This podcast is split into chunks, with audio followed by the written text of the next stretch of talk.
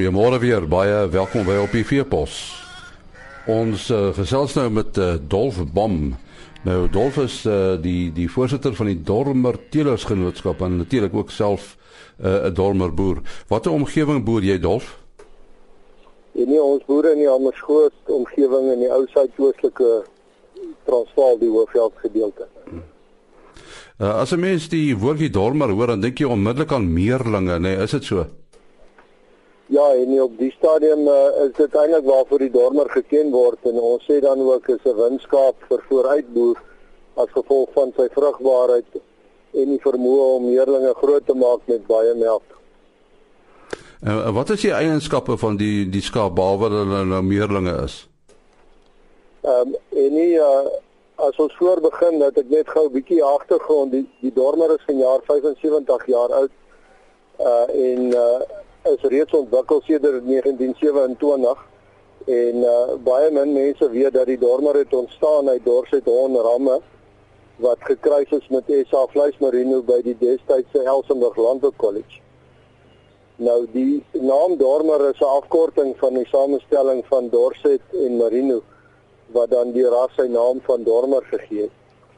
Nou uh hoekom die dormer ras kies? Uh die dormer is 'n ideale vleisras en sy ramme is uh, die voorkeurkeuse vir kruissteeling met enige ander skaapras vir die teel van slaglammers. Nou ons sê altyd in ons promosie daar's 20 redes om dormers te kies. Ek gaan hulle gou vinnig vir jou opnoem. Die karkasgehalte beteken maksimum vleis vir die maksimum inkomste. 'n Hoë uitslagpersentasie, vroeg uh markklaar slaglammers uitstekende resultaat voerkraal, goeie voeromsetverhouding, 'n hoë vrugbaarheid, klein lammers vir geboortegemak, oeye raak maklik weer beset na die vorige lamseisoen, uitstekende moedereienskappe en baie melk. Meerlinge is algemeen in die ras, 'n onbeperkte aandeel siklus en daarom 'n lang dektyd, vroeg rypheid aanpasbaarheid oor die hele Suid-Afrika, hoë lam en speenpersentasies, geskik vir kruisdeling met enige ras en suiwer teeling, 'n lewenskragtige lammers met vinnige groei vermoë, die ideale voerkraal lam, ideale vleisbouvorm, nie selektiewe vreters en dan laastens baie goeie karkas eienskappe. Ja, dit is nou eintlik uh, om dit nou so uit te druk 'n hele mond vol waarom 'n mens nou met 'n dormerskaap sal boer. Uh die dormer is dis 'n vleiskaap. Uh hoe hoe kan 'n mens uh goed boer met met uh vleiskaap? Kan 'n mens geld maak?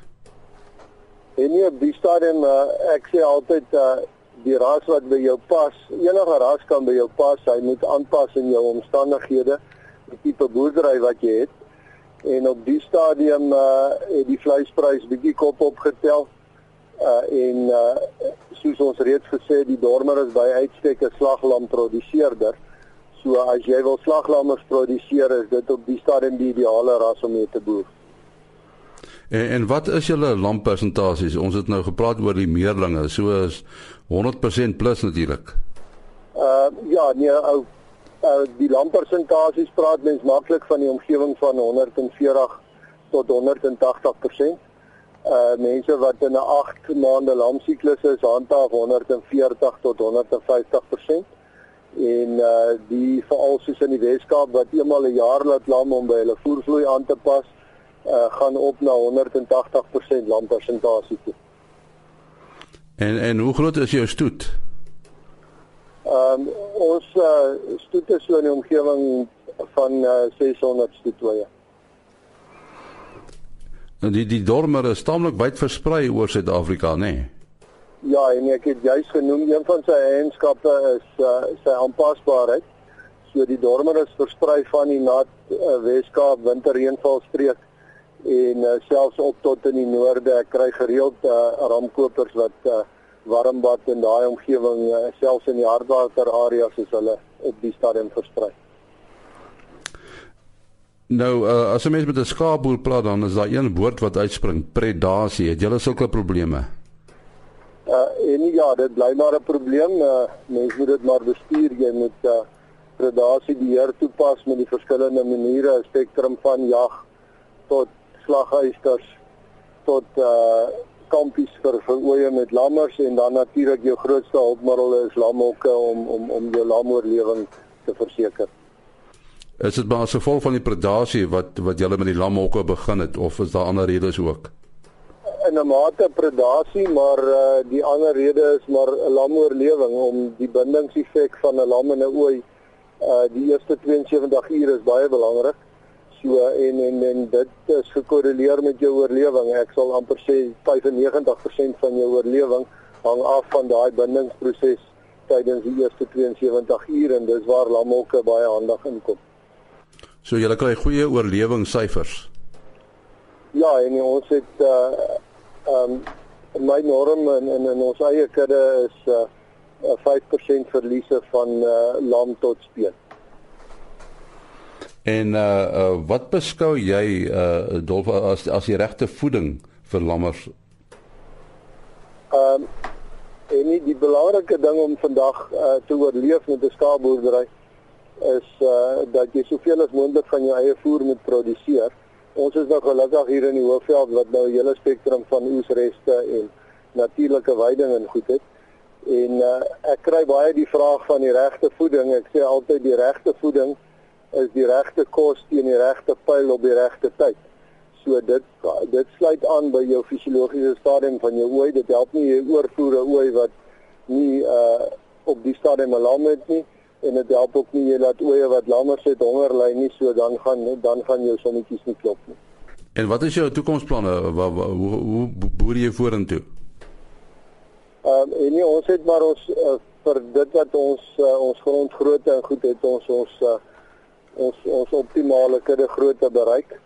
So al wat ons verder doen nou maar is om te selekteer en die kudde kudde uh, te verbeter. So jy boer net met skaap, daar's nie beeste nie. Uh nee, nee, ons het uh vleisbeeste, ons boer met borans ook en dan het ons 'n uh, 'n uh, saai boerdery ook. Het dit dan reën gehad? Uh nee, ons is baie geseënd en uh ons is dankbaar. Ons is nou net vanoggend daar tussen die lande. Ons uh, kan nog 'n week of twee gaan. Ons het nog geen skade nie. En ons hart gaan uit vir die mense waar dit so sleg lyk in dele van die Vrystaat en in Noordwes. So julle is 75 jaar oud, uh, die Dormers in Suid-Afrika. Hoe beoog julle om hierdie belangrike uh, verjaardag te vier?